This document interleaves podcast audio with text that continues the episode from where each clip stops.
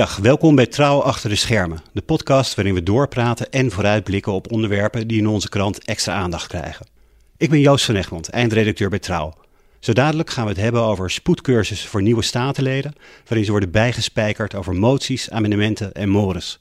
En ook gaan we kijken hoe het ervoor staat met de ambities om roken te ontmoedigen, nu het veld het niet eens kan worden over een eenduidige aanpak. En we beginnen met een deltaplan voor het onderwijs. Niet dat dat er al ligt, maar Paul Rozenmuller, de voorzitter van de Vereniging van Middelbare Scholen, wil dat wel. Bijval krijgt hij van de andere werkgevers in het onderwijs, maar felle kritiek komt er juist van de werknemers. Onze onderwijsspecialist Amber Dujardin die volgt dat op de voet. Welkom Amber. Dankjewel. Dat is iets misgegaan in de communicatie, denk ik. Paul Rozenmuller heeft een prachtig plan. We moeten het onderwijs versterken, de hoofdprijs voor de leerling. En de volgende dag is de AOB, de belangrijkste onderwijsvakbond, furieus. Ze lachen het eigenlijk bijna weg, als ik het zo kan zeggen. Ja, dat klopt. Ze zijn het er helemaal niet uh, mee eens. De bond is boos omdat in een tijd waarin het onderwijs in uh, ja, zwaar weer verkeert, zou je kunnen zeggen, uh, de Raden en Paul Rozenmuller dus nu komt met een plan voor de lange termijn. Vrij lange termijn. Hij wil een plan van 15 tot 20 jaar. Waarin de werkgevers en het liefst ook de vakbonden het eens worden over allerlei grote thema's die er nu spelen. En de vakbond is daar boos over omdat ze zeggen, daar hebben we nu niets aan. Er moet nu iets gebeuren, er moet nu geld bij. Ja, want je zou zeggen, die raden, dat zijn dus eigenlijk de werkgeversorganisatie in het onderwijs. Dan heb je de PO-raad voor basisonderwijs, de VO-raad van Rozenmuller voor het voortgezet onderwijs. Die, die hebben toch eigenlijk al lang overeenstemming over wat de problemen zijn. Hij noemt hier in de krant ook de hoofdpunten. Het lerarentekort, maatwerk. Dat is toch al lang duidelijk. Waarom moet er dan nog overlegd worden over zo'n deltaplan? Ja, dat kun je je afvragen. Over die grote thema's is eigenlijk iedereen het wel eens. Er is inderdaad krimp, het aantal leerlingen gaat dalen. Um, het lerarentekort gaat juist alleen maar toenemen. Dat geldt vooral voor het basisonderwijs, maar ook voor het voortgezet onderwijs. Uh, verder hebben we natuurlijk thema's als digitalisering, internationalisering. Er is steeds meer een beweging naar maatwerk, dus uitgaan van de leerling in plaats van de lesstof. Um, ja, dat is een terechte vraag. Uh, die grote thema's ja, die zien de leraren net zo goed, hè? dus ook de vakbond uh, en ook de werkgevers. Um, maar Paul Rozenmuller wil dat kennelijk graag uh, ja, vastleggen met z'n allen. Met een uh, blik op de langere toekomst. Nog eens. Ja. En dan heb je aan de andere kant die leraren die enorm ongeduldig zijn.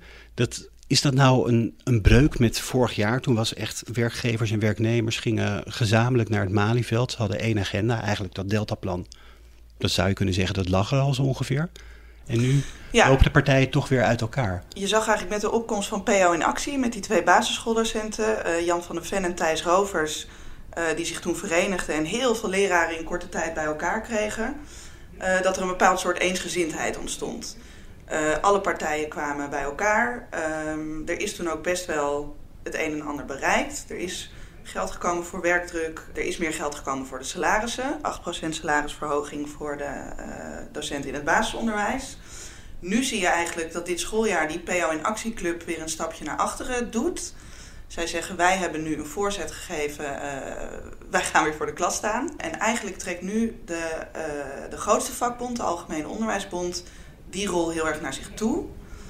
Die hebben zich mogelijk ook een beetje overvleugeld gevoeld door PO in Actie die deels die rol heel erg overnam en eigenlijk meer wist te bereiken dan de bond zelf daarvoor. Uh, ik denk dat ze zich dat hebben aangetrokken.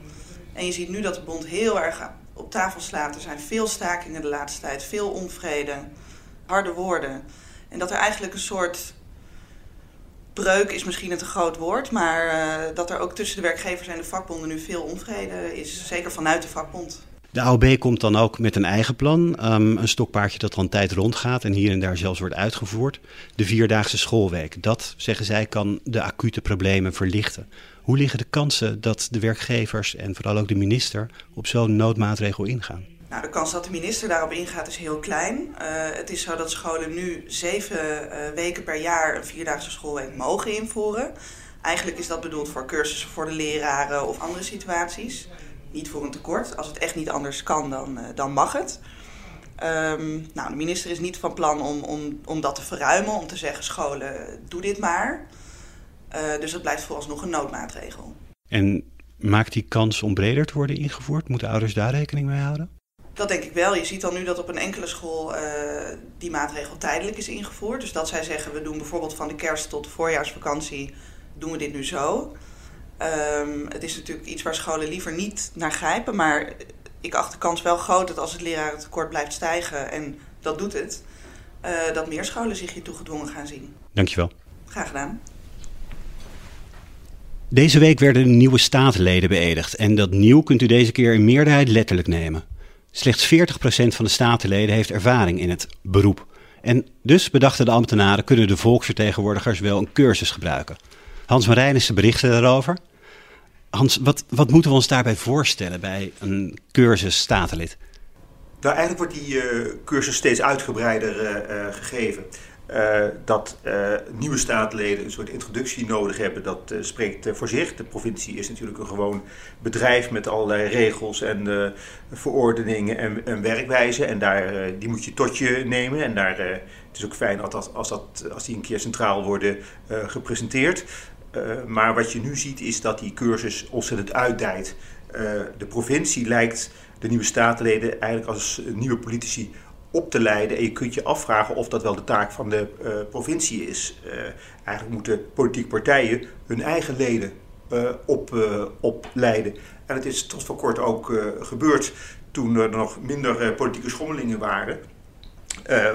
Waren bijvoorbeeld statenleden die liepen gewoon, of althans statenleden, aspirant-statenleden, liepen dan gewoon vier jaar mee met een fractie. En deden soms ook al commissievergaderingen of waren als assistenten werkzaam, zodat ze langzamerhand aan dat vak konden ruiken en proeven om jaar later op de kieslijst te gaan staan.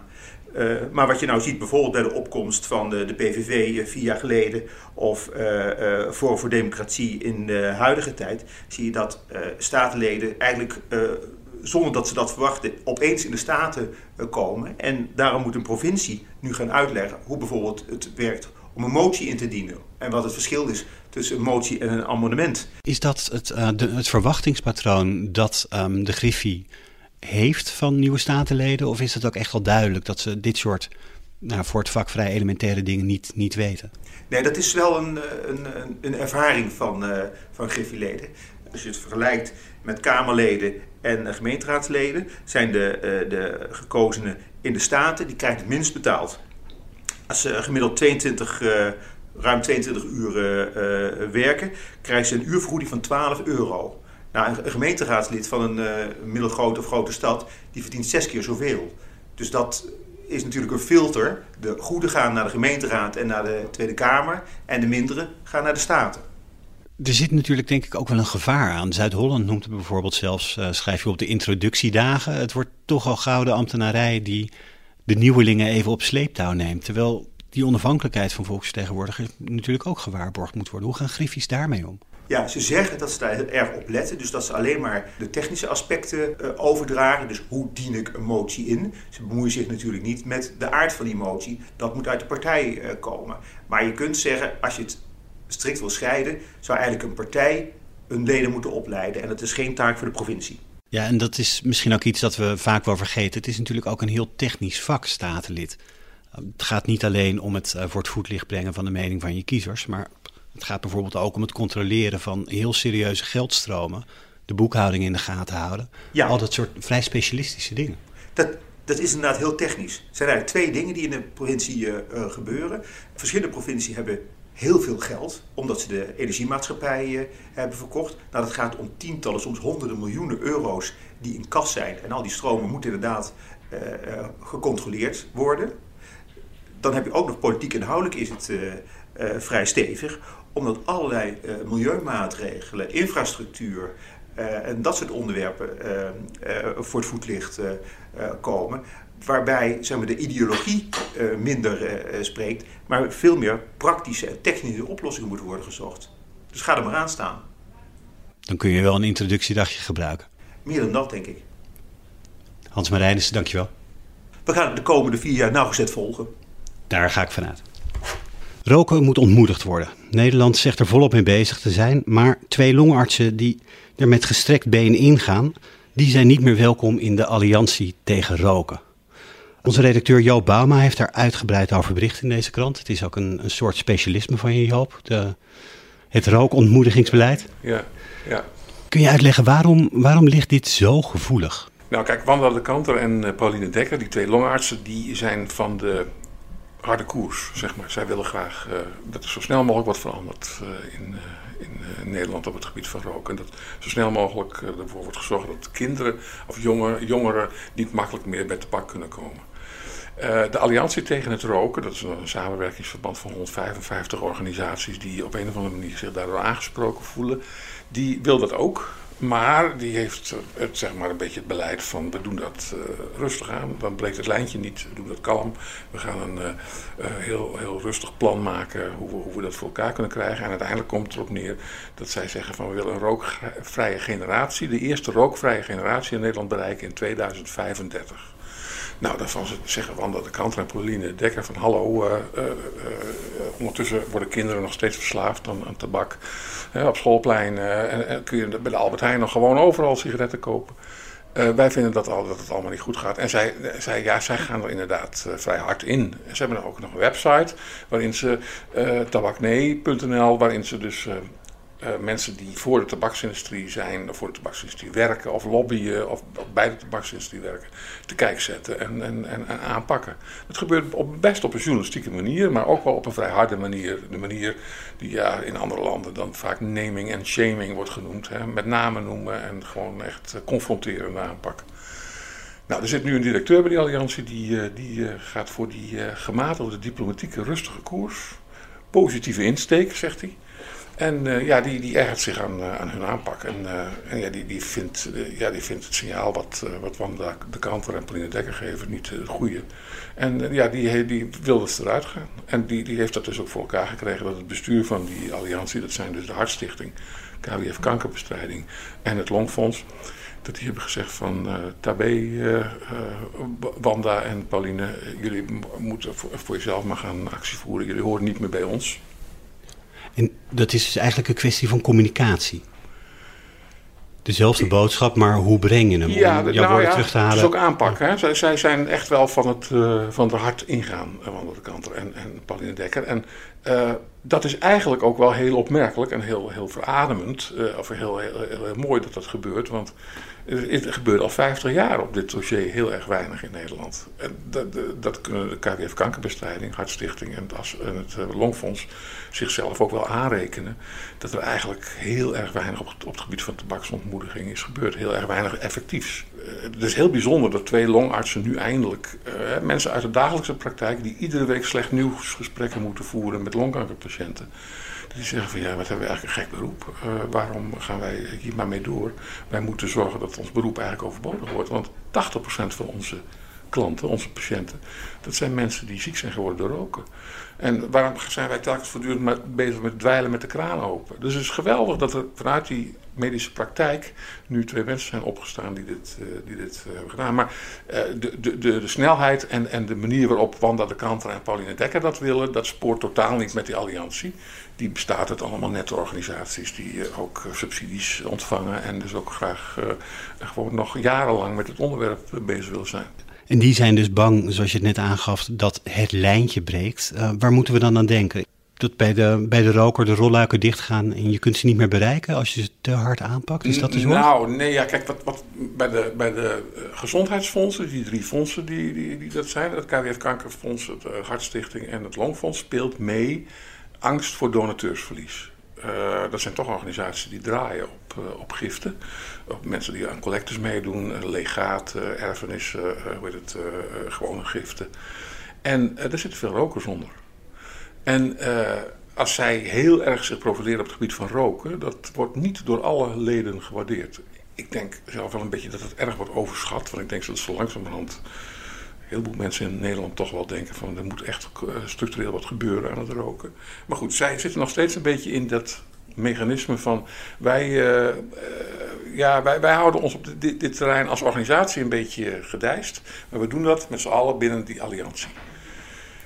Uh, en, en zijn ze bang of het dat lijntje breekt? Ja, kijk, de, de, alliantie die, die functioneert perfect in het Nederlandse poldermodel. Dat is polderen. Met alle partijen blijven praten. En, en, en met, met, iedereen om de tafel zitten en kijken of je er met z'n allen uit kan komen. En dit roken, tabaksgebruik is een heel onderwerp Daar moet je niet over te lang over ouwe om de tafel gaan zitten, kijken of iedereen te vriend houdt. Nee, hier moet je gewoon uh, uh, echte maatregelen treffen. En, en nou ja, van die, van die school zijn Wanda de Kanter en Pauline Dekker. Wat is de rol van de tabaksindustrie hierin? Want die hebben heel lang mee mogen praten en nog steeds zijn um, sigarettenfabrikanten heel geïnteresseerd in het helpen vormgeven. En dan natuurlijk ook uh, deels een eigen stempel erop drukken. Vorig jaar is vrij revolutionair besloten tabaksindustrie mag niet meer aan tafel zitten bij dat rookpreventieakkoord. Betekent dat dat ze ook echt weg zijn of spelen ze nog een rol op de achtergrond? Uh, ze zijn niet weg, ze zijn nooit weg. Uh, ze spelen een rol op de achtergrond, maar die rol is veel minder belangrijk geworden. Dat komt ook gek genoeg, weer door Wanda de Kanter en Pauline Dekker. Die op een gegeven moment tegen Nederland hebben gezegd van... in 2005 hebben jullie Nederland een VN-verdrag getekend... dat je de tabaksindustrie op afstand zet van het beleid. Maar daar in de praktijk komt er niks van terecht... want ze lopen gewoon bij jullie in en uit, bij de ministeries. Toen hebben ze gezegd, wij stappen naar de rechter om af te dwingen... dat jullie dat VN-verdrag, dat Nederland dat VN-verdrag ook gaat handhaven.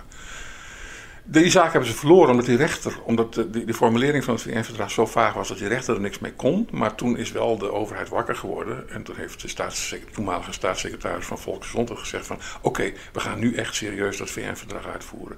Dus dankzij het optreden van Wanda de Kanter en, en, en uh, Pauline Dekker is in vijf, wat in 50 jaar niet was vertoond en zeker ook niet in de tien jaar dat het verdrag al bestond, is de tabaksindustrie buitenspel gezet. En het is voor het eerst heel duidelijk geworden bij dat preventie, het Nationaal Preventieakkoord, dat het ministerie van VWS opstelde, waarin op allerlei gebieden, onder meer roken en obesitas en, en alcoholgebruik, er, met, met, met, met de samenleving werd gepraat over hoe gaan we dat nou aanpakken, welke maatregelen moeten we nemen. Er was ook een tafel die ging over roken, tabak. En daar zaten dus al die betrokkenen bij. En ook de alliantie. En ook, eh, nou ja, eh, wie je maar kon bedenken. Een vrij grote tafel. En daar eh, mocht de tabaksindustrie voor het eerst niet bij zijn. En dat is een, echt een historisch feit eigenlijk. Want voor het eerst officieel werden ze echt buitengesloten. Terwijl het over hun ging. En dat is ook volstrekt in strijd met het Nederlandse poldermodel. Waar je met iedereen om tafel zit en altijd met iedereen praat. Allemaal alle stakeholders, zoals we dat dan noemen, die, die horen erbij te zijn. Dus dat is een een, iets wat zij hebben bereikt in die tien jaar dat zij dat hebben gedaan, die twee longartsen, wat, wat de gezondheidsorganisatie in 50 jaar niet hebben bereikt. Dus het is een hele, hele bizarre situatie eigenlijk. En staat die, die erfenis, als je het zo kunt noemen, die ze binnen de rokers, uh, binnen de anti-rookalliantie hebben, nu ook onder druk? Staat de achterdeur weer open naar sigarettenfabrikanten? Nee, nee zeker niet. Nee, ik bedoel, iedereen is er wel die in, in dit, in, met de maxontmoediging te maken heeft, die is er wel van overtuigd. En die, die zorgt er ook al voor dat ze hele grote afstand houden van de tabaksindustrie. Maar ja, het, is natuurlijk, het blijft een buitengewoon uh, uh, kapitaalkrachtige uh, bedrijfstak, de tabaksindustrie. En ja, het is ook een legaal product, tabak. Dus zij hebben natuurlijk nog lobbyisten voor zich werken. Uh, ik ben bezig met een boek over de tabaksindustrie, een tweede boek. Ik heb eerder in, in, in 2001 een boek geschreven over de tabaksindustrie. Dit jaar verschijnt een tweede boek over de, over de laatste jaren. En uh, daar heb ik ook met lobbyisten gesproken van de tabaksindustrie. Mensen die in dienst waren van de tabaksindustrie. En die zeggen nu ook van ja, iedereen zegt altijd dat wij zo'n verschrikkelijk sterke lobby hebben. Maar daar is, daar is niet, niet veel meer van over. Want het is heel simpel, wij komen nergens meer binnen. We worden nergens meer binnengelaten. Bij Kamerleden niet, bij het Europese, leden van het Europese parlement niet. Uh, en dat is een uitvloeisel van het VN-verdrag, maar ook een uitvloeisel van het andere klimaat wat er rond de tabaksindustrie is.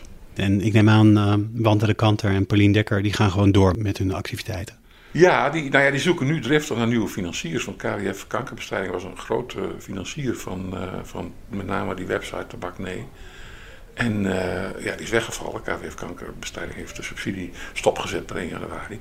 Dus ze zijn nu bezig financiers te zoeken. Maar ik denk ook door de publiciteit die er geweest is, dat, uh, dat het niet zo'n groot probleem is. Dat er echt wel mensen zijn die uh, hun willen steunen. Want ze worden toch binnen, ook binnen die medische wereld eigenlijk wel op handen gedragen. Joop Bama, dankjewel. En we, we zien uit naar je nieuw boek. Oké, okay, dankjewel.